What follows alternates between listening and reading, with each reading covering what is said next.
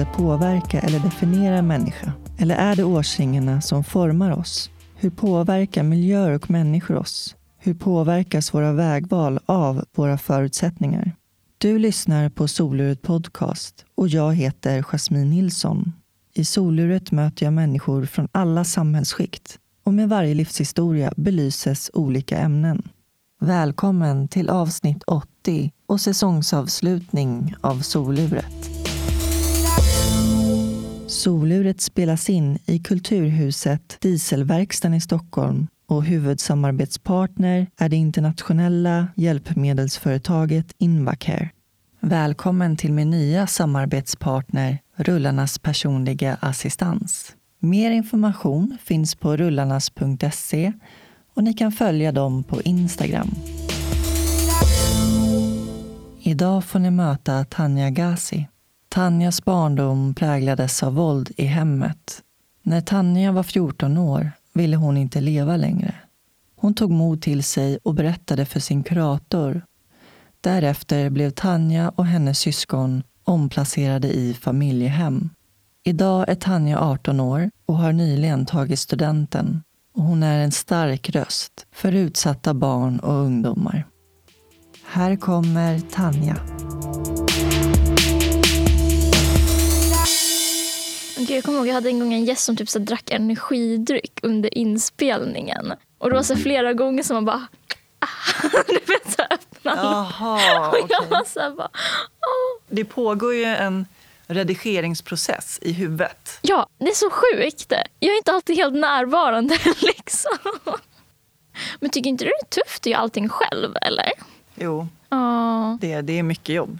Samtidigt som jag tycker att eh, det är ju som ett skapande. Liksom. Man skapar ju någonting, ett konstverk. Ja. Och så det tycker jag ändå är givande och kul i sig. Att liksom skapa det där vackra avsnittet som man vill dela med sig av med Ah, alla. så. Så att, eh, jag ser lite så faktiskt. Att hela Mm. den här redigeringsprocessen också Ja. är en form av... Ja, man skapar någonting. Det var ett fint sätt att se det på. Eller hur? Mm. Vad säger du, ska vi köra? Det kan vi göra. Varmt välkommen till Soluret, Tanja. Tack så jättemycket. Det känns helt fantastiskt. Det är första gången vi träffas på riktigt. Ja, verkligen. Efter vi skrivit med varandra en del. Så det känns kul att vara här. Ja, och vi har ju fått kontakt via din, först och främst din kille Martin, Mm. som är med i vårt eh, företagarnätverk Unique Power Entrepreneurs, Ja, som du också är medlem Ja. i. nu. kul att det gick den vägen. Eller hur?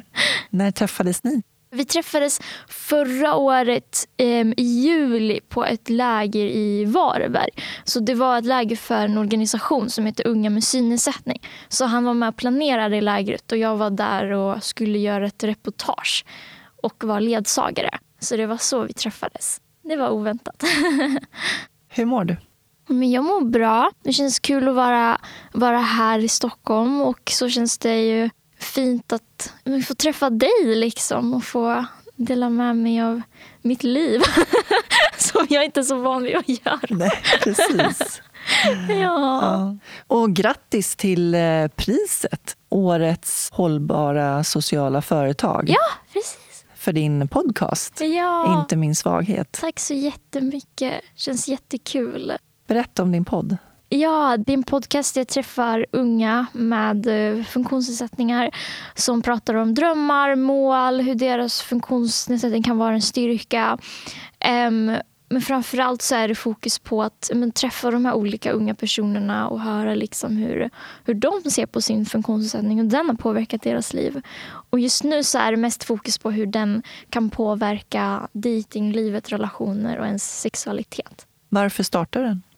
Jag startade den eftersom att förra sommaren fick jag bekräftat en autismdiagnos. Och när jag fick diagnosen så kände jag liksom så här... Äh, det var mixade känslor. Det var liksom så här, gud vad skönt att få veta samtidigt som det var typ så här... Äh, att jag kände mig typ konstig eller typ så här annorlunda. För att jag inte hade hört så bra saker om autism. Och typ så här... Äh, men att... Men typ så här fördom om autism som att folk med autism är väldigt typ så här men de är väldigt så här, instängda i sig själva. Eller, alltså, det var olika... Jag kände mig bara inte så, så bra. Liksom. Jag, jag var väldigt ledsen när jag fick min autismdiagnos. Och då så äh, kände jag bara att men gud, jag önskar att det fanns någon så förebild eller någon typ så plattform alltså, där jag kan se det bra med att ha liksom, autism. Um, så det var så det började. Jag bara shit, jag önskar att det här fanns. Och så träffade jag en kille som heter Lukas som också har autism. Och Han berättade också om det. Och Vi, bara, och vi satt och hade en lunch och bara, men ska vi starta en podd? Ja, så det var liksom så det började. Så hela min resa började att jag satt i en källare på Kulturhuset där jag bor i med min lilla dator och letade runt efter människor. En av mina första gäster plockade upp från Pressbyrån. Liksom. Och det var min... Där började jag. Häftigt. Så jag kunde aldrig ana hur det skulle gå sen. Vilka människor jag skulle träffa genom, genom det här och alla livshistorier man skulle höra. Mm. och så. Vad har du fått lära dig? Jag har fått lära mig jätte, jättemycket. Um, jag tycker det är så häftigt att första gången man träffar en person och hur man Alltså hur vi direkt kan liksom ha typ så mer djupa och så kvalitativa samtal. Att, att gå liksom förbi det ytliga och komma in på personen. Liksom. Um, så det har jag tyckt har varit häftiga processer. Att få göra det. Men jag har också lärt mig väldigt mycket om att så, kliva utanför min egen, egen comfort zone och liksom bara göra saker som jag liksom tycker är läskiga. För det har ju varit personer längs resan som har sagt att jag borde lägga ner podden. Och det har också varit en lärdom i sig att inte lyssna på att alla kommer ha olika åsikter om din, liksom, din idé eller, eller typ så här, se ner på den eller liksom tänka att nej, men det, där, liksom, så här, det där kommer inte, det där kommer inte hålla sig i längden. Liksom, men att du ändå liksom kämpar på. Och så. så det var flera olika lärdomar längs vägen det var en lärare som tyckte att jag höll på för mycket med min podd. För mycket med min podd. Och liksom var typ såhär, nej men Tanja, alltså så här, äh, nej, alltså fokusera på, sko fokusera på skolan var ju liksom någonting som jag fick höra. Och det har ju mina lärare, det har ju varit under min skolgång att jag tyckt om och så här, äh, alltså jag satsar mer på min podd än vad jag gör på skolan. Liksom. Så av den anledningen har det varit typ såhär, nej men Tanja, så här, äh, Ligg ner, fokusera på skolan, ta en paus och liksom sådana där anledningar. Typ. Nu har du verkligen visat dem att det var värt det. Ja. Med pris och grejer. Ja, Va? verkligen. Ja, jag träffade faktiskt hon den där läraren som, sa, som rekommenderade mig att lägga ner. Hon sa vad bra att du inte lyssnade på ja. mig. ja. ja, det var bra. Ja. Men det var intressant det du sa om att, eh, att du hade en massa föreställningar och eh, fördomar om vad det innebär att ha autism. Mm. Alltså synen på personer med neuropsykiatriska funktionsnedsättningar. Mm. Vad tänker du om det nu? Alltså, det har ju, när jag har träffat på flera olika personer så har jag ju verkligen sett att en diagnos kan innebära så många olika saker och att, att två personer med samma diagnos kan verkligen vara helt olik från varandra. Så det är verkligen en lärdom som jag har fått för i början var jag verkligen så här, autism det kan vara en styrka. Yeah. Men sen så har jag ju också lärt mig längs vägen att ja, det kan vara en styrka med, med att ha en diagnos. Men sen så är det också viktigt att, att fungera så bra som möjligt i längden. Så det var det som jag insåg att man måste inte prata om liksom att så här, vi alla har styrkor så, utan mer så här, hur kan vi fungera så bra som möjligt i längden. Så mitt fokus längs vägen började skifta från det. Att ge verktyg på hur vi kan fungera fungera bättre än liksom att vi än liksom prestera och sådär. Att vara hållbara ja. livet ut, eller ja, hur? Ja, verkligen. Och må bra. Mm. Men det är som du säger, det är ju många som pratar om superkrafter oh, och superpowers. Nej, jag ser inte som ADHD är min superkraft oh, och så vidare. Nej. Eh, oh. eh, så. Men hur kan jag använda mig av mina erfarenheter av att leva med en funktionsnedsättning och göra någonting utav det på ett bra sätt. Mm. Det är ju en annan sak. Mm. Att eh, man har unik kompetens tack vare eh, de erfarenheter man bär med sig. Ja, verkligen. För jag märkte det längs vägen när jag började med min podd att, att fokuset att det ibland kan tolkas lite fel för vissa när, när det är så här, ja men det här är din styrka liksom. För att jag ser inte alltid min autism som en styrka liksom. Och sen så jag är ju lindrig autism och sen, så jag kan tänka mig för personer som har ja, men en, en funktionsnedsättning som de inte alls tycker är bra på något sätt. Att budskapet att det kan vara en styrka kan bli liksom rätt provocerande. Så det är en lärdom som jag tog längs vägen. Att, så här, att istället skifta på hur kan vi fungera så bra som möjligt än liksom att se det som en styrka. Just det. Varför döpte du den till Inte min svaghet? För att jag vill inte se min diagnos som endast en svaghet. Så det var därför jag ville ha Inte min svaghet. Vilka är dina styrkor? Eh, jag skulle nog säga att en av dem är mitt driv. Att eh, jag, när jag är driven för någonting så är jag väldigt envis till att komma i mål. Och då när det är så motgångar och sådär då går jag liksom ändå igenom det för att ta mig dit jag vill. Så det skulle jag nog säga är en styrka. Och sen som specialintresse styrka, ja det är väl både och där. man kan inte sluta. Men man blir jävligt nördig på någonting. ja. Jag förstår. Ja. Men du, jag tycker att vi tar allting från början. Mm. Berätta, vart kommer du ifrån? Var ska jag börja? ja, jo men jag kommer ifrån en eh, uppväxt som inte var så hälsosam. Um, där um, vi inte hade det bra i min familj, jag och mina syskon. Du har många syskon? Ja, det är typ, vad kan det vara, åtta stycken. Så det är en del i alla fall. Hälften är från pappa och hälften är från... Jag har det är lite olika kulturer i min familj. Det är så här, äh, min ursprung är typ från Bangladesh och sen så har jag en så finsk del av familjen också. Så det är lite mångkulturellt kan man säga. Redan när jag var 14 år gammal så flyttade jag hemifrån. Från min familj. Det var en dysfunktionell miljö med, äh, med våld bland annat. Så äh, det är lite där som jag kommer ifrån. Och jag bruk, en vanlig fråga jag brukar få är typ, vart kommer ditt engagemang ifrån? Eller varför, varför är du liksom så driven för till exempel för ungdomar? Och det har ju att göra med bland annat att, att jag vet hur det känns när det kan kännas riktigt pissigt. Och jag vet hur det känns när det kan kännas riktigt bra. Och jag vill inte att någon annan ungdom ska få uppleva det som jag har fått uppleva. Det är ju starkt att eh, ändå känna att du kan ge det till andra barn. Mm. Dina, alltså använda dig av dina erfarenheter och försöka hjälpa andra.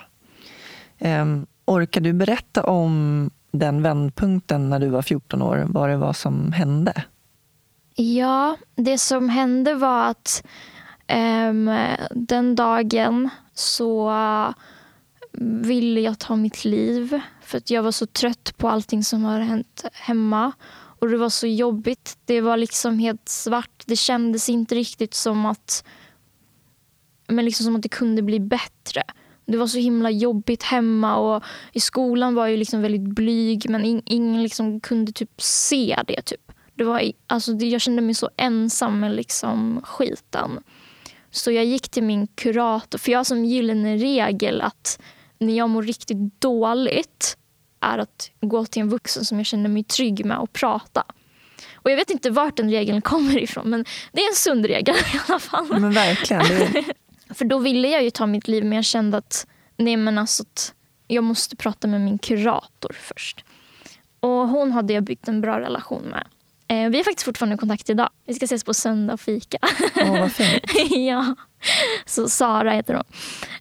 Um, och då så träffade jag Sara och då berättade jag först att jag ville ta mitt liv. Men jag berättade inte vad som hade hänt hemma. Men såklart så gick ju Sara in på liksom grunden varför, varför jag ville göra det. Och då kom det ju fram allting som hade hänt hemma.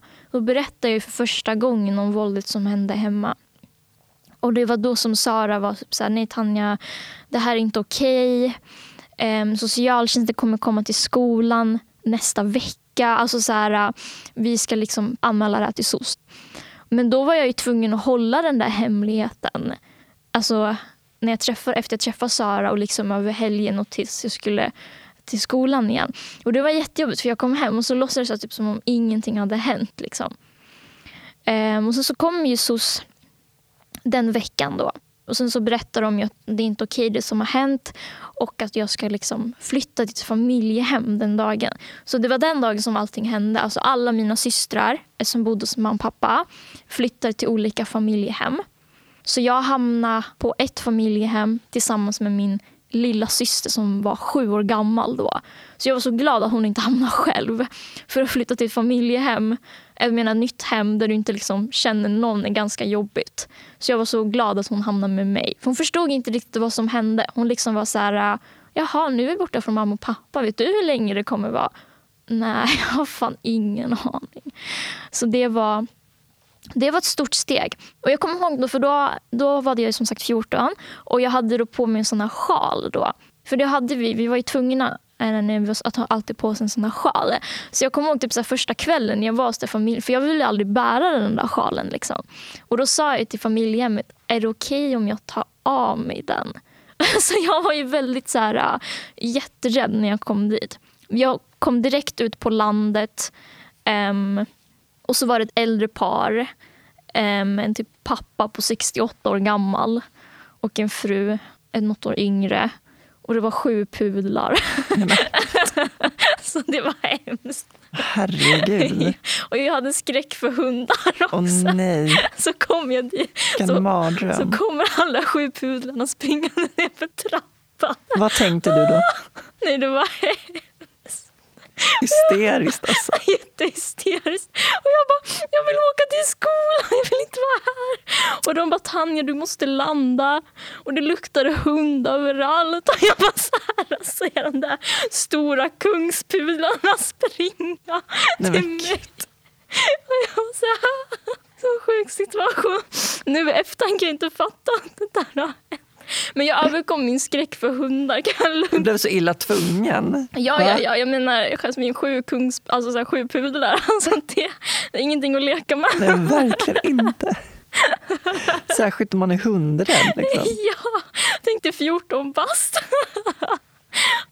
Men eh, om jag får backa bak lite. Mm. Våldet som pågick hemma, var det normaliserat för dig? Alltså det kändes ju normalt. Det var liksom inte så konstigheter att komma hem. Eftersom vi är ju ett gäng systrar. Och det var inte konstigt att komma hem och sen så berätta någon vad som precis har hänt den. Liksom. Och man bara, ah, men det är så här. Men det är också för att, alltså, det är också för att mina, min mamma och min pappa är ju lite så här, alltså, jag vet inte, de hade inte det bra liksom. Um, så att, att våld var ju väldigt liksom normalt. Det var hedersrelaterat våld. Så att hedersrelaterat våld är liksom att religionen kan påverka väldigt mycket. Att det blir typ som en kultur. Att, och då finns det olika, för mina föräldrar kommer från Bangladesh. Och då finns det olika starka regler, till exempel som att man inte får klä sig på ett visst sätt eller inte får ha en pojkvän. Och inte vara nära någon. Och till exempel den här sjalen som om någon skulle ta av sig när det liksom så här, då blir man ju så här, äh, riktigt utskälld. Liksom. Så det var ju också flera såna grejer som påverkade också. Så första gången jag hade på mig shorts var när jag var 14. Och det kan jag inte fatta nu i efterhand, för jag tycker om att visa mitt hår. Jag tycker det är jätteskönt att känna vinden i håret. Så det var också speciellt att ta av mig sjalen för första gången. Det var typ en av de största grejerna jag har gjort. Typ. Så att, nej men det var jättenormalt hemma. Men det är också för att vi bodde i ett väldigt så segregerat område. Vart bodde ni? Eh, I Falun. I ett område som, eh, där det är flera lite liknande familjer också. Så det kändes ju jättenormalt. Jag kände ju, det kändes som att alla har det. Typ. Eller inte alla så, men alltså jag kände bara att jag vet inte, det bara kändes normalt. Liksom. Men sen så har det också varit så här äh, att jag har inte liksom vågat berätta om det. För jag var så, så lojal mot mina föräldrar. Och jag trodde ju liksom att men gud, om jag berättar, tänk om någonting hände dem. Liksom. Så det var ju också mycket det som påverkade. Så det mm. var ett jättestort steg för mig att liksom berätta om det för första gången. Mm. Men också med riskerna som kommer det. För att Sen jag flyttade hemifrån så har jag ju liksom inte flyttat dit igen utan jag har ju varit placerad sen jag var 14. Mm. Så bara det också, för att, att vara placerad har ju risker i sig också. Så det var ett ganska stort steg för mig. Och som du sa, där, alltså den tiden emellan från det att du berättade uh. för Sara till, att, till måndagen där, uh. när de kom och hämtade er. Mm. Men så otroligt modigt Tack och starkt av dig att du ändå gjorde det. Och det är ju inte alla som vågar eller som Nej. har den styrkan att kunna göra det heller. Ja, men det krävs väldigt mycket från en. Alltså verkligen så mycket mod för att man riskerar jättemycket. För att att vara placerad finns det flera risker i sig. För du vet aldrig vilket hem du kan komma till. Mm. Du kan riskera att komma i ett hem som, där du också blir utsatt för saker som du inte ska vara utsatt för. Så det är en risk, men sen samtidigt också mot dina föräldrar. För när jag flyttade hemifrån, alltså jag, jag fick ju massa skuld. De liksom var ju så här med Tanja kom tillbaka, det här är inte okej. Okay. Andra familjer i det området fick ju höra mamma och pappas berättelser. Så då la de ju skuld på mig också. Liksom. Men gud, varför splittrar du hela din familj? Att jag är anledningen till att min familj är splittrad. Liksom. Många som sa att jag var jättemodig. Vad modig du är Tanja. Så stolt över dig. Och vissa som var så här, men gud kunde du göra det där? Liksom. Så man är ju så ung. Och man, alltså det tog ju jättelång tid för mig att känna att det här är inte mitt fel. Det som har hänt i min familj. Och det är en jättevanlig reaktion som barn och unga har som har varit med om jobbiga saker i sin barndom. Mm. Vilket ju är helt sjukt, att man ja. tar på sig en skuld över något som andra har utsatt en för. Mm. Liksom. Mm, ja, verkligen. Men eh, om vi hoppar framåt igen då till Pudlarna. Ja. Ditt första familjehem. Ja. Hur var första tiden där? Alltså att I början var den ju bra. Det var ju väldigt speciellt. för att Alltså det var väldigt speciellt att komma till en svensk familj när jag har bott med liksom en så bengalisk familj. För det var ju verkligen alltså, krock chockar. Liksom äta fläsk för första gången när mamma och pappa förbjudit det. Sen jag bacon i korridoren. Va? Bacon? Åh oh, vad gott! Vad har bacon varit i hela mitt liv? så det var liksom sådana saker. Liksom. Um, och fira påsk och alltså mycket sånt där i kulturen som var helt så här, äh, annorlunda. Men första tiden skulle jag nog säga var bra. Liksom. Jag kunde landa någonstans. Jag var avskild från resten av omvärlden ute på landet. Men sen så var inte det där familjehemmet bra alls. Um, för det var det mest, en av de mest oväntade sakerna man kunde tänka sig. För jag och Milla trivdes jättebra där. De första, jag bodde där åtta månader och vi trivdes jättebra de första månaderna.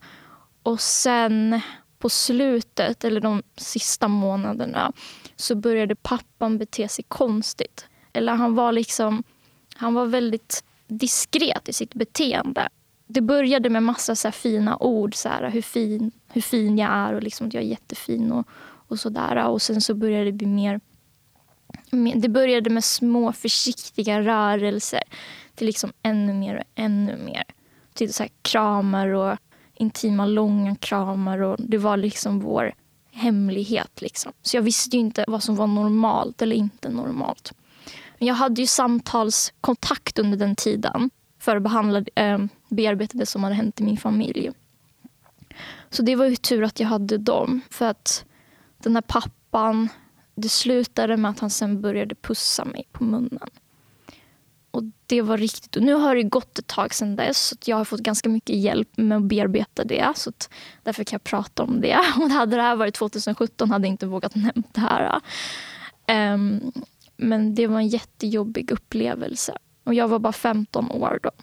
Jag fyllde 15 när jag bodde där. Och att det var bara så vidrigt tyckte jag. För att andra i min ålder pratade om att de blir så pussade av någon typ så jämnårig eller sådär. Min första var ju liksom av en 68-årig familjehemspappa.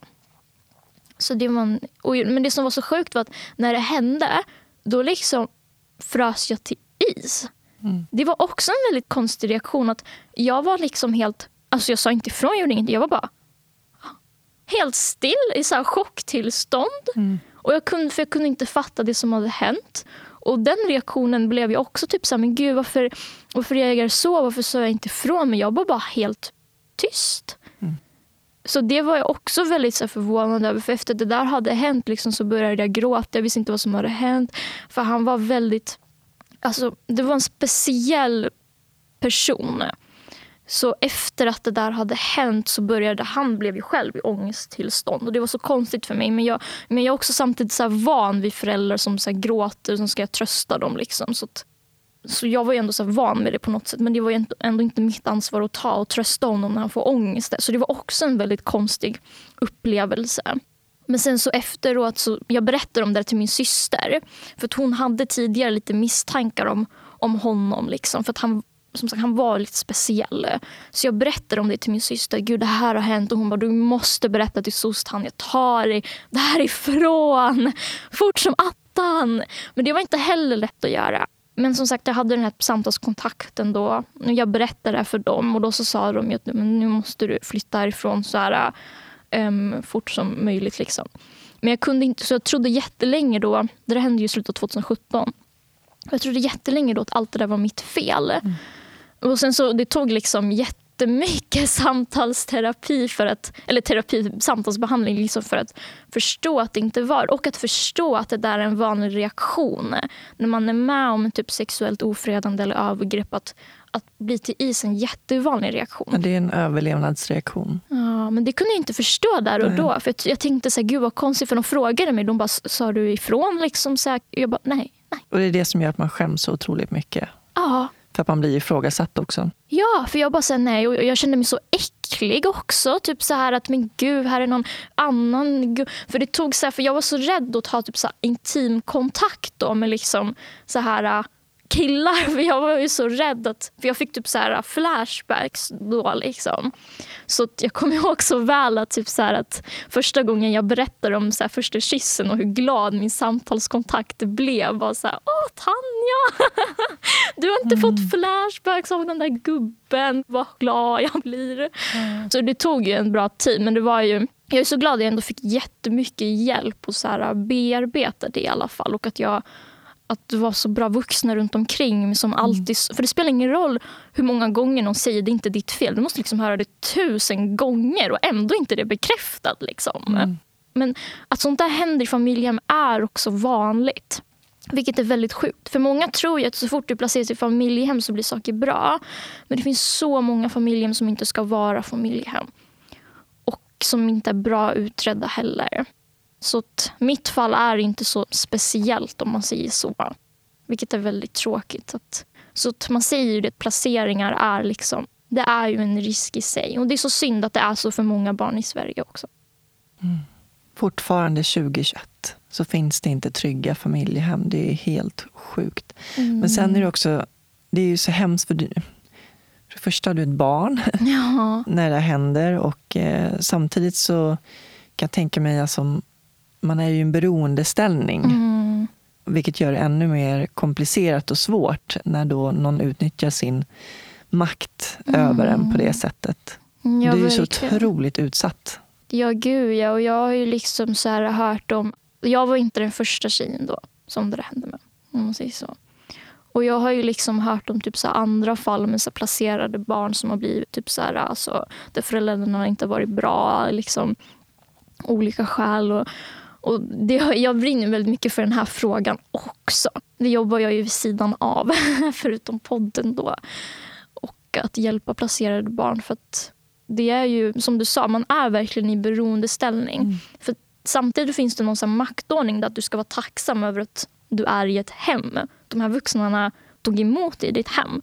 Men samtidigt så finns det fall där de inte alls är bra. Men då ska du ändå förväntas vara tacksam. Mm. Så det är lite både och där. Det är väldigt svårt. Ehm, också känslan av att man kommer aldrig vara älskad som de biologiska barnen heller. Och då är det också en känsla där att jag kände mig aldrig riktigt som en familjemedlem. Och Det är också en väldigt jobbig känsla. Också att inte kunna se mamma i vardagen längre var väldigt konstigt. Eller liksom komma till skolan som har flyttat från ett ställe och bara ah, Hej, nej, vad gjorde du heller? Nej, jag bara flyttade. alltså sådana grejer var ju också... Och ett sätt för mig att hantera saker på det är liksom att skämta. Jag skämtar om min familjehemsturnering och sådana där saker. Men, ja. Men vad blev konsekvenserna då när du berättade det här om vad du hade varit med om? Då konsekvensen blev att jag flyttade därifrån så fort som möjligt mm. till ett jättebra familjehem. Men de blev inte polisanmälda. Så vad händer med dem? Ingenting? Får de fortsätta ha? De fortsätter. Så det är många brister i systemet. Och de frågade mig om jag ville polisanmäla honom. Men jag, jag orkade inte göra det. Nej, det förstår jag. Så att, det, är, ja, det är stort krav på ett barn. Liksom, mm. att, och det fanns inga bevis ja. heller. Det var jättesvårt Nej, att få fram bevis på det. För hans, när det hände så var hans fru inte hemma heller. Såklart. Så det var jättejobbigt faktiskt att höra att ingenting hade hänt med det. Och sen så har de ju en så stark sekretess också så de får ju inte berätta heller. Det var en annan tjej som bodde där samtidigt som jag också bodde där. De tog emot andra placeringar. Och hon bodde kvar där efter att jag hade flyttat. Att jag och min lilla syster hade flyttat. Mm. Så det var också speciellt att höra att hon bodde kvar där. Och det var så svårt att förklara för henne vad som hade hänt också. Så det var en jättejobbig upplevelse att få höra. Så jag vågade ju inte besöka den där, den där staden, orten som de bodde i. Liksom. Mm. Jag kände mig bara så sviken av, liksom, av systemet och att man frågar mig om jag vill anmäla honom istället för att se det som en självklarhet att göra det själva. Så det var... Som ändå har tagit alltså, dig modet att berätta, bara det är ett väldigt stort ja, gud, steg ja. att ta. Jag vågade verkligen inte göra det. Mm. För jag var så osäker. Men jag är så glad att jag hade en syster där som, som sa liksom, Tanja berätta så här, alltså, så här, det är så mycket tack vare henne som jag vågade. För det där var verkligen en hemlighet mellan han och mig. Mm. Och din lilla syster, var hon förskonad? Han tog bilder på henne, men rörde inte henne. Så på sätt och vis, ja. Alltså, ja. ja. Usch, man blir så frustrerad, förbannad mm. och bara känner att man vill göra någonting. Alltså, mm. Att det här pågår i Sverige. Ja men gud, och jag var så för att de har varit familjer med typ 25 år. Så jag var också så här, för jag tänkte att efter, för mina systrar sa ju liksom Tanja, du kan ju inte ha varit den första liksom. Så det var ju också så här, nej men jag blev också, jag blev väldigt, jag blev väldigt sårad men jag blev också väldigt förbannad på att på att SOS inte gjorde någonting åt det där. Men också på att Sverige, alltså Sverige har en så stark sekretesslagstiftning och på vissa sätt är den ju bra såklart men på vissa sätt är den väldigt dålig. Att de kan ju sen inte, alltså så här, äh, när jag frågar liksom, hur har ni gjort? Nej, sekretess. och då blir det jättefrustrerad och bara, men, men hon kan ju inte bo kvar där, men jag kan ju inte påverka det. liksom. Nej, men hon bodde kvar där i några månader och sen flyttade hon ut. Mm. Mm. Och det andra hemmet som du kom till sen, hur var det? Det var jättebra. Det var faktiskt första gången jag liksom på riktigt kunde känna hur det känns att vara alltså någonstans tryggt. Liksom. Mm. Jag kommer ihåg så middagar vi åt tillsammans och, och jag blev så tårögd för jag var så tacksam. Liksom. Jag bara shit, att, även om det var så få år i mitt liv som jag känt en sån trygghet i att vara i en familj så har jag ändå varit så tacksam för de erfarenheterna. För den här familjen byggde verkligen upp mig. Liksom. Jag kom dit och var så helt förkrossad, alltså verkligen nedtryckt i sulorna. Alltså jag, jag vågade inte vara själv med liksom pappan till början för jag var så rädd. Och, och jag såg så ner på mig själv. Jag kände mig så värdelös och liksom så äcklig. och liksom så här, bara, Men gud, jag var med om den här skiten. Finns det alltså, så här hopp? Men, liksom, men den här familjen det var liksom så jävla bra. Alltså, jag, jag kände mig så lycklig när jag bodde hos dem. För vi åkte, för de, vi åkte på så många familjegrejer tillsammans. Alltså det var en så bra sammanhållning. Och de stöttade mig jättemycket. Varje gång någonting hände la de upp det på Facebook. det har jag inte varit med om tidigare. De var så gulliga. Och bara, Åh, nu, nu kom Tanja. Och, där, ehm, och det var så fint. Jag kommer också väl, det var någon som pappan sa liksom, Tanja, din ära att du bor här. Mm. Och jag blev så lyck, alltså jag blev så glad liksom, över hur, hur fina de jag skrev dikter till dem också. För det är ett sätt för mig att visa tacksamhet till någon. För Jag var bara så glad. Och Sen slutade de som familjen för att um, de ville ja, men sluta helt som familjehem och fokusera. De har två barn. Liksom. Så där avslutades resan då. Men det var en jättefin tid med dem. Och Det är också vanligt att familjehem efter ett tag sen avslutar upp sin verksamhet. Så det var ju tråkigt. Men vi har fortfarande kontakt idag. Mm. Och de är jättefina. Men du fick känna dig inkluderad och som en del av familjen? Som ja. du inte hade känt tidigare? Nej, absolut Nej. inte. Det var liksom det bästa familjehemmet jag har bott i. Och jag är mm. så glad att vi fortfarande har kontakt idag. De, det var för någon vecka sedan som de, ska flytta ut från sitt hus. Och de gav mig massa så utflyttningsgrejer och sånt där. Det som jag tyckte om med dem det var att de, lärde mig, de gav mig så sunda värderingar. För att jag, eftersom jag har växt upp med förebilder som, eller förebilder, men personer som inte haft sunda relationer så visste jag inte hur, hur funkar en sund relation. Liksom. För min, min pappa är ju väldigt så här, svartsjuk och sen så sett otrohet. Och liksom, jag, jag visste inte så här, vad är en sund relation. Och de har verkligen en sund relation. Så Det var så fint att kunna se det. De pratade med mig så mycket om att Tanja, istället för att bråka så kan man kommunicera. Och jag, fick, jag fick lära mig massa såna där saker av att bo med dem, vilket byggde upp min egen förmåga att kunna reflektera över vad en sund relation är för mig. Och sen så kunna skapa det. För att när jag har träffat vissa, jag har träffat många olika placerade ungdomar. Och när jag har träffat vissa placerade ungdomar, som, då har jag liksom en vanlig sak jag fått höra är att oh, jag har haft en tuff uppväxt och därmed kan jag, jag kan inte ha en bra relation. Liksom. Och då är jag verkligen så här, med, även om man har haft en väldigt jobbig uppgift så kan man verkligen skapa en sund relation. Men jag förstår, det kan vara riktigt provocerande att höra det när man är 17 år. Men det går verkligen att göra det. Och jag är så glad att jag har fått verktygen till att lära mig att göra det. För jag hade tyckt det var så tråkigt att liksom bli, bli 50 år och sen så vet jag fortfarande inte hur det är. Liksom. Så det är jag så glad över att jag fick lära mig tidigt och mycket tack vare den familjen. då. Och vilka är de främsta verktygen som har varit viktiga för dig? För att kunna skapa en sund relation? En av dem har varit att reflektera väldigt mycket över mina egna mönster. Eh, till exempel, jag har ju läst väldigt mycket om typ en så anknytningsteori eller så hur ens uppväxt kan liksom påverka ens, ja, men ens sätt att liksom vara i en relation. Och jag märkte av vissa så mönster med till exempel svårt att lita på andra, också den här rädslan att bli övergiven när jag själv har varit det i min barndom flera gånger. Så det var mycket att typ så analysera vart de här rädslorna kommer ifrån. Och sen så, det handlar väldigt mycket om att göra tvärtom. Men till exempel är man väldigt rädd att någon ska lämna dig och sen så du kanske skriver jättemånga sms och liksom vill ha så mycket bekräftelse. Kommer du lämna mig? Istället för att göra så.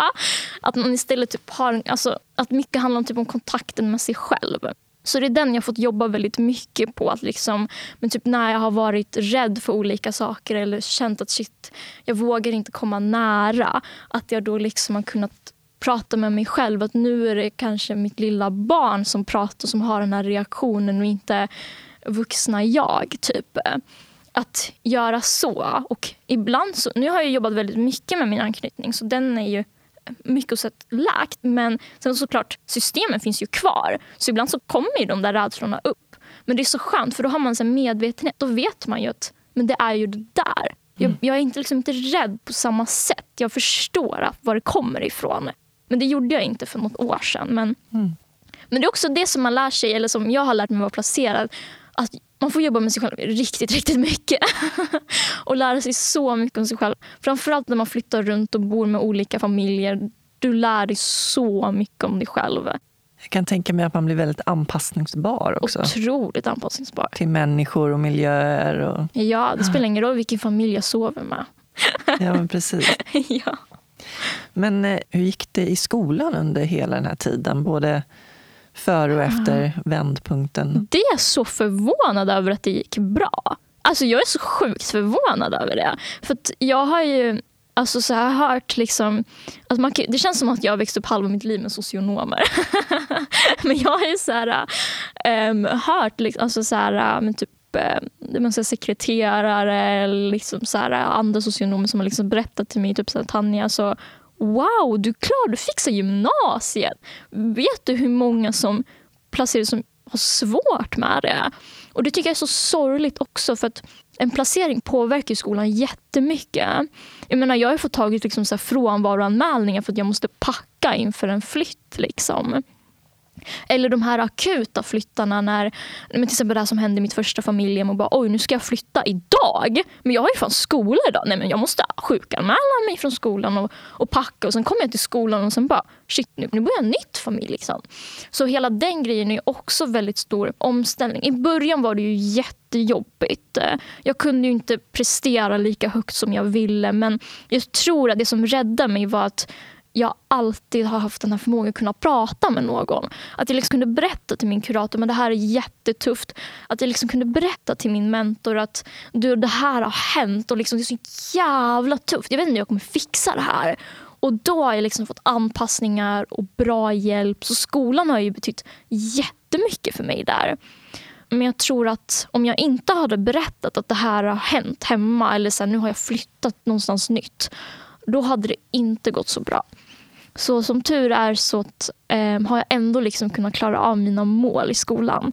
Så att, det är nästan så att jag kände liksom så här, bring it on. Alltså så här, vad är det för jävla motgång som kommer?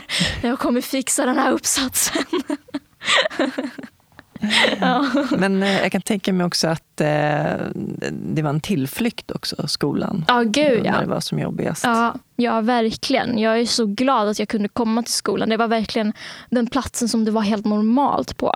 För när du flyttar till ett familjehem då blir allting så plötsligt nytt. Nya vanor, nya rutiner, men också människor. För det jag har lärt mig är att utifrån mina erfarenheter att ingen familj ser andra lik. Utan det är en familj ser som så självklart, en annan inte alls som självklart. Så det var också en så stor omställning att okej, okay, du tycker det är självklart att jag borstar tänderna i badrummet men du tycker inte alls det. så, här, så små grejer men som ändå liksom ja. påverkar en. Så här, också i värderingar. också. Till, till, exempel den här sunda familjen. Det var så här, ah, men här är det jätteviktigt att alltid kommunicera.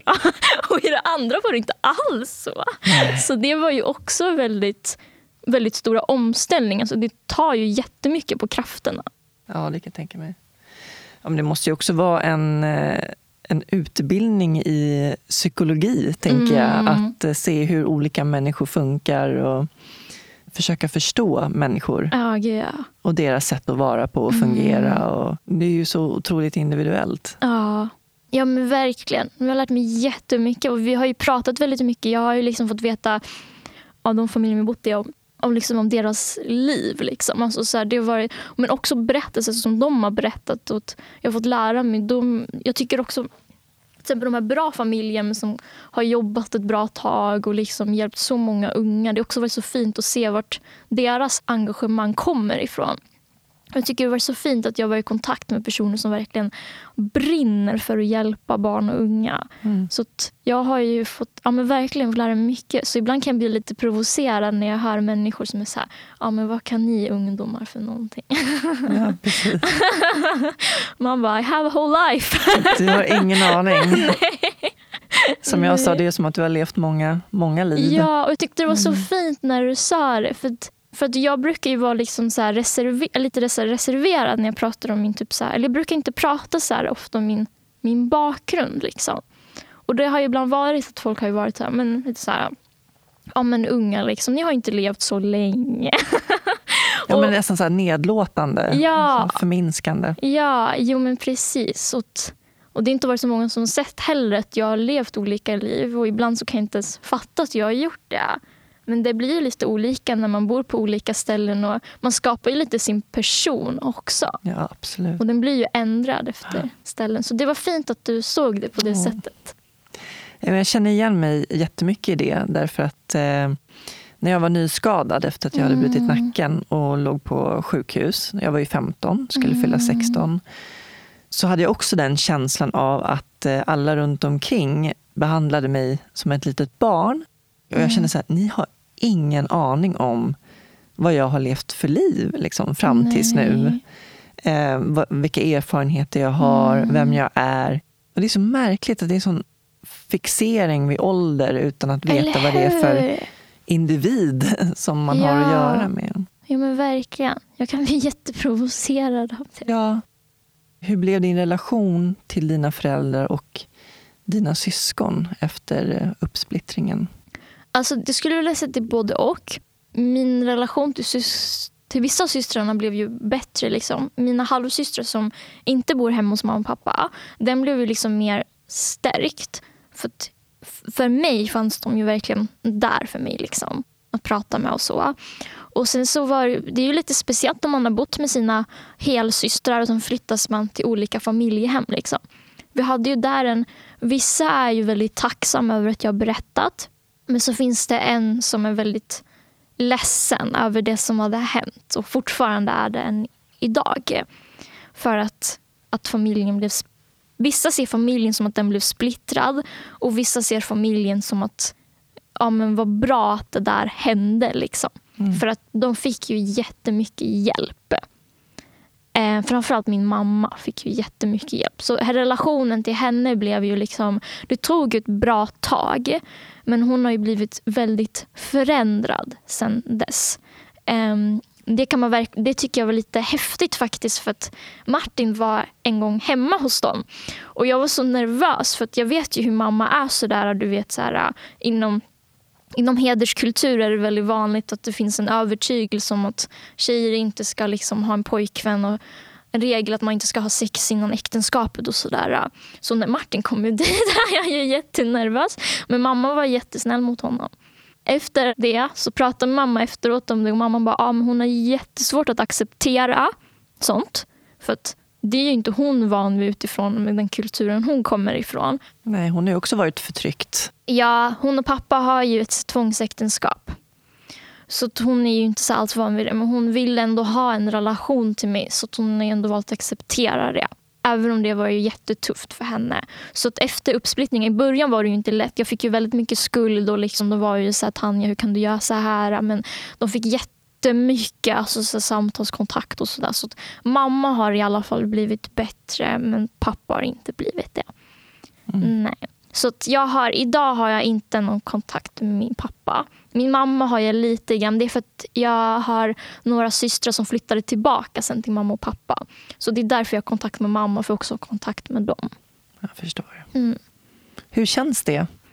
Alltså det, det känns både och. Det är ju jobbigt att se upp kontakten till sina föräldrar i en sån tidig ålder. Med tanke på att det är så många andra som man ser som har så fina familjerelationer och sånt där. Sen har man själv inte det. Så på det sättet var det liksom jobbigt. Um, och sen så också till studenten till exempel så vill jag ju inte ha en av mina föräldrar där. För att varför ska han vara det liksom? Och det känns också lite jobbigt när så andra elever så här, ah, min, ah, jag, det är så tråkigt att inte hela min släkt kan komma. Och jag är så här, fuck off! alltså så här. Alltså så. Och jag kan bli så provocerad du vet, i skolan när jag hört så här, äh, elever som sagt oh, det är så drygt när min mamma alltid frågar mig hur jag mår. Och jag bara ah! Och jag har inte liksom kunnat jag har liksom bara velat ropa din bortskämda jävel. Men jag förstår ju. Alltså, så här, mm. och nu såklart man är inte bortskämd man tycker så men alltså, jag förstår ju att har man inga andra har man så bra familjerelationer att det nästan blir lite jobbigt när föräldrarna är så här, men gud, de ska alltid fråga mig hur jag mår. Då förstår att man inte ser det så. Men mm. för mig har det varit lite så provocerande att liksom så höra såna kommentarer. Typ. Mm. Um, så det var ju speciellt att se upp. Men jag känner mig ändå glad att jag gjorde det. För på det sättet blev jag väldigt mån om mig själv. Att jag inte vill ha personer i mitt liv som alltså så här, ser ner på mig eller liksom trycker ner mig och sådär. Alltså att, att jag mår bra av att inte ha den kontakten. Så på det sättet känns det väldigt skönt. Hur var det med eh, umgänge med kompisar och sådär under uppväxten? Jag hade ju en så social fobi eh, i flera år. Så det var inte så mycket umgänge där. men, men sen så botar det ju social ångest. Det, det, är en helt annan story i sig.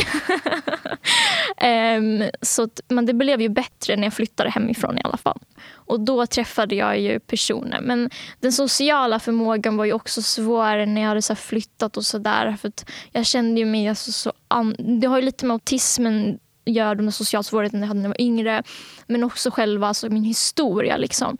Jag kände mig bara så, så annorlunda alltså, mot andra. Så förstår jag, det ju, nu förstår jag att det är jättemånga som har varit med om såna här saker men det kunde jag inte riktigt förstå där och då. Jag kände mig så konstig. att så här, men gud, jag har, här är jag. Jag har varit placerad, jag har varit i fucking hederskultur och sen så, alltså så här, och så ung. Alltså, jag kände mig bara så här ensam? Ja, jätteensam. Och så här, men gud, är det någon som ens kan relatera? Vet någon ens vad ett familjehem är? Alltså, så här. alltså jag var liksom... Alltså jag var så... Jag tyckte så synd om mig själv. Det hade du all rätt att göra. ja. Så det var ja. svårt. Så därför... Men någonting jag märkt är att jag har haft mycket lättare att hänga med äldre personer än vad jag haft med typ så här jämnåriga och yngre. Och det har mycket att göra med dels att jag kan att jag har så svårt du vet, när det kommer till att jag behöver ha det här djupet i relationer. Och det märkte jag ju senare, när det, för jag hade lite svårt med så kompisar i skolan och sådär. Det var bara så svårt tyckte jag. att Jag kände mig så annorlunda. Men sen så när jag träffade andra, till exempel äldre personer som kanske varit med om någonting tufft i sitt liv. Då var, då var det på ett helt annat sätt. Liksom. Då var det så här, men gud, vi, vi liksom, det, blev ett, det blev en helt annan connection då. Så det, det märkte jag av senare i alla fall. Men um, hur kom det sig att du började med det här? Hur kom du in på ungdomsföretagandet? Ja, det är en jättebra fråga. Det kom av att... Eh, dels av att jag har varit så kreativ och i skolan så har jag när vi ska göra saker, då vill jag göra dem kreativa. Men då har jag liksom fått säga, nej men Tanja, nu ska du hålla dig till ramarna. liksom. Så det var lite med det jag jag vill göra någonting så kreativt. Liksom. Någonting som jag brinner för. Mm. Men också för att jag har liksom brunnit för att göra någonting för ungdomar ett bra tag. Och så att jag kände också att jag vill skapa skillnad för andra. Liksom. Så det är därifrån det där drivet kom. Att så här, jag vill liksom vara den här förebilden eller den här personen som har varit en sidekick eller på något sätt inspirerat någon annan. Um, som kanske känner sig ensam eller... Det skulle vara någonting med ungdomar i alla fall. Det var så liksom tanken om att jag vill göra någonting för ung företagsamhet. Liksom. Jag mm. vill börja driva någonting eget. Liksom. Skapa mitt egna alltså, material. och sen så när diagnosen kom, för vi misstänkte ju en diagnos ett tag. Ja, hur kom det på tapeten från början? Eh, det var då i det här jättebra familjehemmet då som de märkte av mina sociala, det var mina sociala svårigheter bland annat. Eh, och då så sa de ju så här, hm, Tanja, vi, vi kanske kan kolla upp det här. Liksom. För jag visste ju inte då vad så här, autism riktigt var. Utan det har man fått höra lite så här, då har jag fått höra så fördomar. Jag bara, har jag det där? liksom. Jag var lite mer så. När vi så väl började med utredningen då sa de ju det var jättebra att du kom hit Tanja. Vi behöver göra en utredning. Så det, var ju, det var så skönt att få veta och det gav liksom så mycket svar på olika frågetecken som jag haft. och så. Vad var det för svar? Men Det gav svaret på varför jag hade tyckt eh, att jag kände mig typ så här annorlunda. Fast det är ett av de svaren. Då. Sen så mm. finns det andra förklaringar också. Men det var ju ett av de svaren. Men sen så också, jag har ju nördat in mig så mycket. Alltså jag lär mig sociala koder. Alltså till exempel krama människor. Alltså jag gav folk jättelånga kramar. Och så var det mitt familjehem som bara Tanja, vi har märkt att du kramar lite för länge. Jaså? ja, vet du vad du ska tänka på Tanja? När du kramar människor, tänk 1001 och sen släpp. så jag utgick, nu, nu gör jag inte det längre men jag behövde ju vissa ram, alltså så sociala sammanhang. Och jag nördade in mig jättemycket. Jag menar, när jag skulle iväg på typ så här mingelevent, alltså jag satt och läste en bok, Konsten att kallprata på tåget. Oh, det var så olika saker som var bara så extra svårt och som jag inte riktigt förstod. Och liksom varför jag hade så svårt i så skolan med typ sociala sammanhang och sånt. Och sen så började jag förstå det och det var så skönt. Men sen så har jag hjälpt mig själv mycket där genom att läsa och, och sådär. Men det var mycket så här, alltså det gick ju bra och så, men det var mycket typ så svårt att tolka kroppsspråk. Så här, jag vet inte riktigt, nu kan jag ju mer, men då visste jag inte när vill någon avsluta ett samtal. Alltså, det var mycket såna här små mm. saker som var ändå så här, som påverkade. Liksom. Så mm. Det gav ju svaret på mycket sånt. Hur går en utredning till? Ja, jätte jätteomständigt. Men det tog ju nästan ett år tills jag fick diagnosen. Vad gör man då? Många så här förhör och intervjuer och liksom så svara på massa så konstiga frågor. Typ. Jag fick faktiskt veta att mitt IQ är lägre också, så det var roligt att höra. ja. Okej, ja, det skulle jag inte ha gissat nej, faktiskt. Flera så här, alltså, så här, tror när de ser mig att jag liksom är typ så här, smart. Men du, alltså, du är ju så bra på att formulera och uttrycka det också. Ja, det är en styrka. Ja. Den liksom täcker upp för det här IQ. Så det var ju det. För det var lite kul för psykologen sa hon bara Tanja jag tror dina specialintressen har påverkat dig här. Okay. Du kan svara helt utförligt om vad Martin Luther King är men när det kommer till så här, vilken temperatur makaroner kokar på har du, vet du inte riktigt. Okej, okay, jag så, det så det var lite så här, ja. Men då är det lite så praktiska grejer då. Att så här, sådana saker hade jag lite svårt för. Men det var också typ så här, energinivåer också kan ju bli påverkade av liksom autism. Att jag måste ju liksom ta en tupplur en gång per dag. Liksom. Jag kan bli så trött av sociala intryck. Så det är liksom, det var mycket så frågor om typ så energi och liksom känsloreglering och hur man förstår saker. Och det där är så svårt för autism är verkligen helt spektra. Alltså så här, jag har ju träffat personer som har helt annorlunda autism än vad jag har. Liksom. Och jag har ju en lindrig autism. Ehm, så nej, det var väldigt, väldigt omständigt. Var det. Och sen så ska en läkare också komma på slutet och sådär. Men ja, det var jätteskönt till slut när jag fick den bekräftad i alla fall. Mm. Det hör man ju från de flesta som Ja. får en diagnos att det verkligen är värt det. Att man får Ja. så mycket bekräftat och man får många svar och, Ja. och får verktyg. Ja, gud, jag fick en hel bok som heter Autismhandboken. Men det jag var mest nyfiken på det är hur det går med kärlek och sex. Men det var bara två sidor om det i boken. Ja. Det är liksom en av de mest nyfikna sakerna man är. När man får bekräftat om en så här funktions... Eller jag är det i alla fall. Då är jag så här, men gud, hur, hur, kan det här påverka? Det var liksom den första frågan jag ställde till henne också. Jag bara, hur kan det här påverka mitt kärleksliv? Tanja, det finns en bok som du kan läsa. Ja, tack så mycket psykologen. Två sidor. Tack så mycket. Så det var liksom det. Så det var därför som jag var så jättenyfiken på att så här, äh, lära mig mycket mer om det. Inte bara utifrån mig själv men också för att alltså just den här bilden som media visat. Liksom, för jag har ju sett så här serier med personer med autism som inte inte alls går bra för deras kärleksliv. Och jag bara, kommer det vara så för mig? så då, var det, då började jag brinna jättemycket för, för det. Liksom. När jag fick min autism hade jag då en annan relation. Då. Det var då som jag var så hur kommer det liksom gå? För jag var så rädd då att, så här, att, att min autism kommer på, alltså så att någon annan inte kommer acceptera den här diagnosen. Men, men Martin gör det så himla, han gör det verkligen. Och det tycker jag är så fint. För första gången vi träffades så så visste ju vi båda om varandras funktionsnedsättningar. Vi brukar ju mest skämta om det. Liksom. Det tycker jag också är jätteskönt. För jag hade inte pallat att liksom vara så här, "Ah, min autism. Alltså så här, nej. så det tycker vi har inte liksom suttit och pratat jätteseriöst om det. Utan vi kan bara skämta om det. Vilket jag tycker är jätteskönt. För distans tycker jag hjälper så himla mycket. Oh ja, det håller jag med om. Mm. Distans och humor, det hjälper en att överleva. Ja, men gud, jag, alltså Mm. jag tror inte att om jag inte har haft en humor till det jag varit med om eller Mm. någon distans till det så hade jag... Alltså, och så såklart alla händelser går ju inte att ha det till men, men i stora helhet om man kan ha någon form av distans det är så himla skönt. Det underlättar ju men det tar ju tid att bygga upp den men, men till autismen har jag i alla fall en distans. Så det tycker jag är. Jag tycker det är skönt att vi har kunnat skämta om det. Ja, men absolut. Det Ja. förstår jag.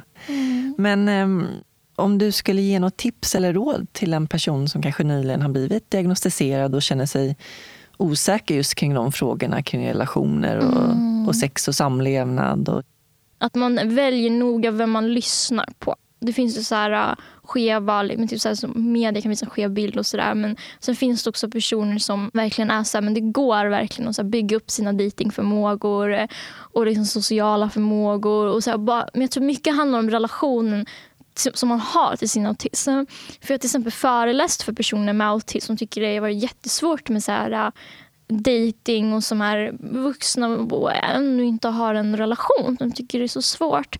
Och ett mönstersätt där det är mycket att man tror mycket att autismen är en orsak till varför det inte går. Men autismen kan ju liksom vara en förklaring, det kan ju skapa vissa förutsättningar. Men att man verkligen ändå, det går verkligen att bygga på sina datingförmågor. Det är precis som andra förmågor i livet också. Och Många med autism kanske har lite annorlunda förutsättningar där. Men när det kommer till sociala kompetenser, det kan vara lite extra svårt. Men det går verkligen ändå att bygga på det. Det finns jättebra böcker att läsa, bra poddavsnitt och människor man kan lära sig av. Så jag tror mycket handlar om att träna och bygga upp på det och se att autismen kan man också använda som en drivkraft. Det använder jag. liksom att okej, jag hade extra svårt för det här men nu, ska jag liksom, nu, ska, nu vill jag bygga på det här och vill liksom ge ett så här fuck off till liksom att, att, det liksom, att jag har svårt för det här. För att, så den drivkraften hjälper ju också väldigt mycket. För sen så kommer man, så kommer det kännas härligt att liksom dejta och utforska relationer. Och, och autismen kommer inte bli så mycket ett hinder då. Men jag förstår, det kan ju vara provocerande att höra det när man strugglar så mycket, men det går verkligen. Jag tänkte komma in på mina stora, svåra standardfrågor. Yes. Känner du dig redo? Ja, kör. Vad innebär det för dig att vara människa? Det innebär mycket. Jag tycker om att leva. Så jag skulle nog säga att för mig innebär det att vara människa att jag ser det som de här sex mänskliga behoven. Att vi har liksom så trygghet, att vi vill utvecklas, växas, bidra och sådär. Så det ser jag som att vara människa, att jag vill ju verkligen bidra till världen, till samhället, liksom, för andra. Så det är ju en av mina största drivkrafter med att vara en människa, att jag vill liksom lämna avtryck. Och jag vill växa mycket också. Jag är en sån person som verkligen drivs av att kliva utanför min comfort zone när någon ger mig en utmaning. Så jag bara, kommer jag kunna fixa det där? Och framförallt drivs jag ännu mer när folk säger att jag inte kommer fixa det. Då blir jag så här, fuck off, jag fixar det. Underbart, jag älskar det. så, det så det skulle jag säga är en av mina drivkrafter med att vara människa. Men också det här med liksom relationer. Bara förmågor att vi kan liksom så älska andra och liksom, alltså förmåga att kunna känna kärlek och alla andra känslor som kommer med det. Liksom. Det skulle jag säga för mig att vara en, vara en människa. Tror du på ett liv efter detta? Nej, jag tror vi dör bara. ja. ja, det tror jag. Hur um, präglad blev du av um, den kultur och religion som du ändå växte upp med? Mm, alltså, nu är jag ju så anti mot det där. Mm. Alltså, idag så har jag liksom en så förståelse för olika religioner. Ehm, men där och då så, alltså jag blev lite hjärntvättad kan man säga när jag var liten. Jag fick liksom höra att tar jag av mig sjalen så kommer det liksom så kommer det inte vara bra, jag kommer bli straffad av Gud. Eller har jag sex innan äktenskapet så är det så här, världens undergång, jag kommer hamna i helvetet. Alltså så här, det var mycket sådana där sjuka saker. Så därför var jag ju jätterädd, till exempel när jag skulle ta av den här sjalen. För jag var så men gud, kommer jag bli straffad av Gud? Men inget av det där hände såklart. Så på det sättet påverkar ju det mig. Att jag liksom sen bara, men gud att... Sen såklart så trodde jag inte på det sen. Men det var ju så inpräntat när jag var liten. Mm. Um, så det påverkade mig att jag inte ville ha just den tron. Liksom. Men sen förstår jag ju personer som om man kommer och man har växt upp så och fått höra det, att man får den där övertygelsen. Så jag fick ju ändå en förståelse för det. Liksom. Så när jag hör personer som säger sånt där, då, då blir jag inte så förvånad. Liksom. Jag bara, ah, okej, okay, jag har det här och du har det där. Liksom, det, det, är bra så. Liksom. Så jag fick ju ändå någon form av typ, så respekt för olika religioner, så även om jag inte alls håller med om det. Mm. När känner du dig fri? Det är... Jag skulle nog säga att jag känner mig fri när jag, eh, när jag gör saker som av glädje, typ. alltså när jag styrs av lusten skulle jag nog känna att jag känner mig fri. Men också i, typ så här, i relationer, alltså typ så här, möten med andra där det känns där det var så bra, alltså där man typ pratar från, liksom, från hjärtat. Då känns det också på något sätt som någon så här, men typ frihet. Jag vet inte jag ska förklara. Men det blir, typ på, en, det blir på en helt annan nivå. Typ. Jag tycker det är så härligt när man har typ såna här möten då man, då man pratar från sitt hjärta än liksom från sitt huvud. Det blir typ en helt en helt annan grej då. Mm. Den här närvaron. När känner du dig sårbar? Um, jag pratar om mig själv. Men jag skulle säga att jag känner mig sårbar i många sammanhang. Jag känner mig sårbar i relationer. Där är man ju så jävla sårbar. men till exempel i en kärleksrelation. Alltså så här, äh, du älskar men samtidigt så kommer det ju andra känslor med det. Till exempel, eller en annan relation, när en relation kan ta slut. Liksom. Där blir man ju jätte, jättesårbar. Så jag kan vara sårbar i många avseenden. Eller när jag liksom ska berätta någonting som är jobbigt typ, eller någonting som är lite obekvämt. Någonting, det är också sårbar.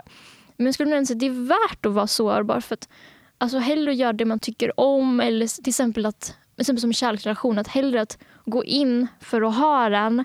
Eller gå in för att ha en relation och älska och liksom komma någon nära. Än att inte göra det för att man är rädd att vara sårbar. Liksom. Vad drömmer du om? Ja, jag skulle nog säga att jag drömmer om att eh, flera ungdomar ska liksom tro mer på sig själva. Och framförallt ungdomar som har varit med om tuffa saker. För jag har träffat unga som har varit med om jättetuffa saker och inte så här, tror på sig själva eller liksom ser en sund framtid för sig själv. och Så, där. så det är någonting som jag önskar mer av. Att vi unga som har varit med om tuffa saker får bättre så här, verktyg eller så här, mer stöd eller liksom flera förebilder där på den fronten. Så att flera kan tro på sig själva och sin förmåga trots att man har haft en pissig uppväxt.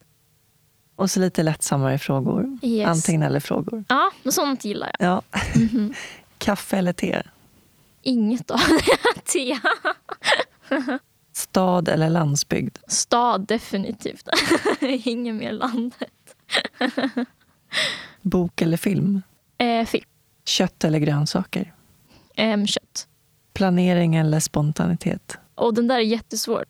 Alltså jag, jag måste ha struktur i min vardag. men, men jag gillar spontana grejer också. Ah, du får säga både och. Ja, både och. Både och. Se eller höra? Mm. Oh, vad svårt. Men skulle de säga se då? Lyssna eller prata? Hmm. Men där skulle faktiskt säga lyssna. Tror du jag skulle säga lyssna. du, jag måste bara fråga, hur gick det? Du har ju sökt till en journalistskola. Jag kom in. Grattis! Ja, tack så Hur känns det? Det känns jättekul. Jag vet inte om jag ska säga ja eller nej bara. Lycka till med allt i livet, Tanja. Tack så jättemycket. Och tack så jättemycket för att du kom hit och delade med dig av ditt liv. Ja, tack så mycket för det här ödmjuka mötet. Tack. Tack Tanja för att du är en röst för barn och ungdomar som befinner sig i svåra och ohållbara livssituationer. Jag önskar så att du inte skulle behöva vara modig och stark. Men genom din drivkraft gör du skillnad. Tack vare min huvudsamarbetspartner Invacare kan jag fortsätta med soluret. Jag slår en pling till VD Thomas Müller som får sammanfatta året på Invacare. Hej Jasmin! Hej Thomas, hur är läget? Det är alldeles utmärkt. Den värsta värmen har lagt sig känns det som, så att, eh, nu känns det lite bättre. Vad brukar du göra varma sommardagar när du inte jobbar? Jag skulle vilja säga att alla sommardagar som jag kan spenderar jag i Stockholms skärgård uppe i Norrtälje där vi har ett litet ställe på en ö. Vi åker nästan aldrig bort eller utomlands eller sånt utan vi, familjen är i Stockholms skärgård. Det tycker vi är, är trevligt. Ja, det är väl underbart. Vi ska säga det också att du är ju VD på Invacare sen, eh, är det 18 år nu? Ja, eh, och de 18 åren har gått väldigt, väldigt fort, Jasmin, måste jag säga. Min hustru sa till mig när jag började att eh, jag inte skulle bli så långvarig på Invacare eller i hjälpmedelsbranschen överhuvudtaget. Men än en gång hade min hustru fel. Och vad tror du att det beror på? Jag har nog faktiskt inte analyserat det, men eh, Invacare, eller hjälpmedelsbranschen i stort, är, alltså de flesta i den här branschen är dedikerade sin uppgift och känner ett stort engagemang för att faktiskt kunna vara eh, behjälplig och att man gör någonting bra och nyttigt. Och det gör att många är väldigt länge i den här branschen, det tror jag. Hur har året varit, eller de senaste ett och ett halvt åren? Det var väldigt mycket gungor och karuseller och väldigt jobbigt för ett år sedan då det var efterfrågan på vissa produkter och absolut ingenting på något annat. Människor visste inte hur man skulle förhålla sig till olika saker och ting. Sen eh, blev det en hyfsat bra balans hösten 20 igen och då gissade vi väl att det skulle vara lite lägre aktivitet än vanligt våren 2021, alltså nu.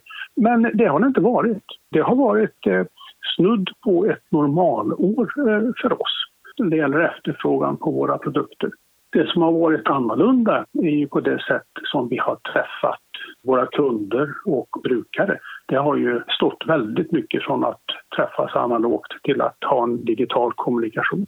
Och jag ser fram emot en höst där vi kan få en mix av analog och digital kommunikation. Det hoppas jag också på, verkligen. Och ni har ju lite på agendan här nu till hösten också. Ja, vi har ju det. Med oerhört stor uppslutning från hela branschen och en stark anmodan uppifrån Umeå så vill man att vi nu förlägger en mässa, ett möte som heter Fokus hjälpmedel där till hösten. Och det är bokat till oktober. Och vi har redan oerhört många anmälningar. Det är ju gratis att besöka den naturligtvis. Så det finns en stor tilltro till att vi får ett nytt normalläge till hösten.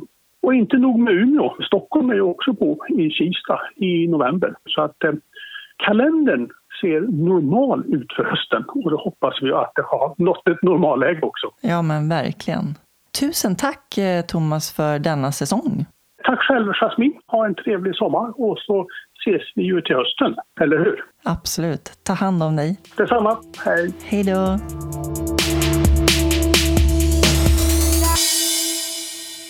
Soluret har en ny samarbetspartner, Rullarnas personliga assistans.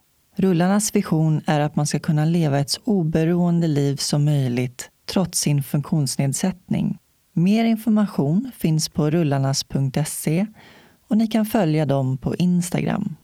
Till hösten kommer en ny säsong. Prenumerera redan nu i din podcastapp så missar du inte säsongstarten. Varmt tack till alla er som lyssnar på Soluret. Era meddelanden och kommentarer betyder enormt mycket för mig. Ha en riktigt skön sommar och ta hand om varandra där ute. Puss och kram och mängder med kärlek. Hej då!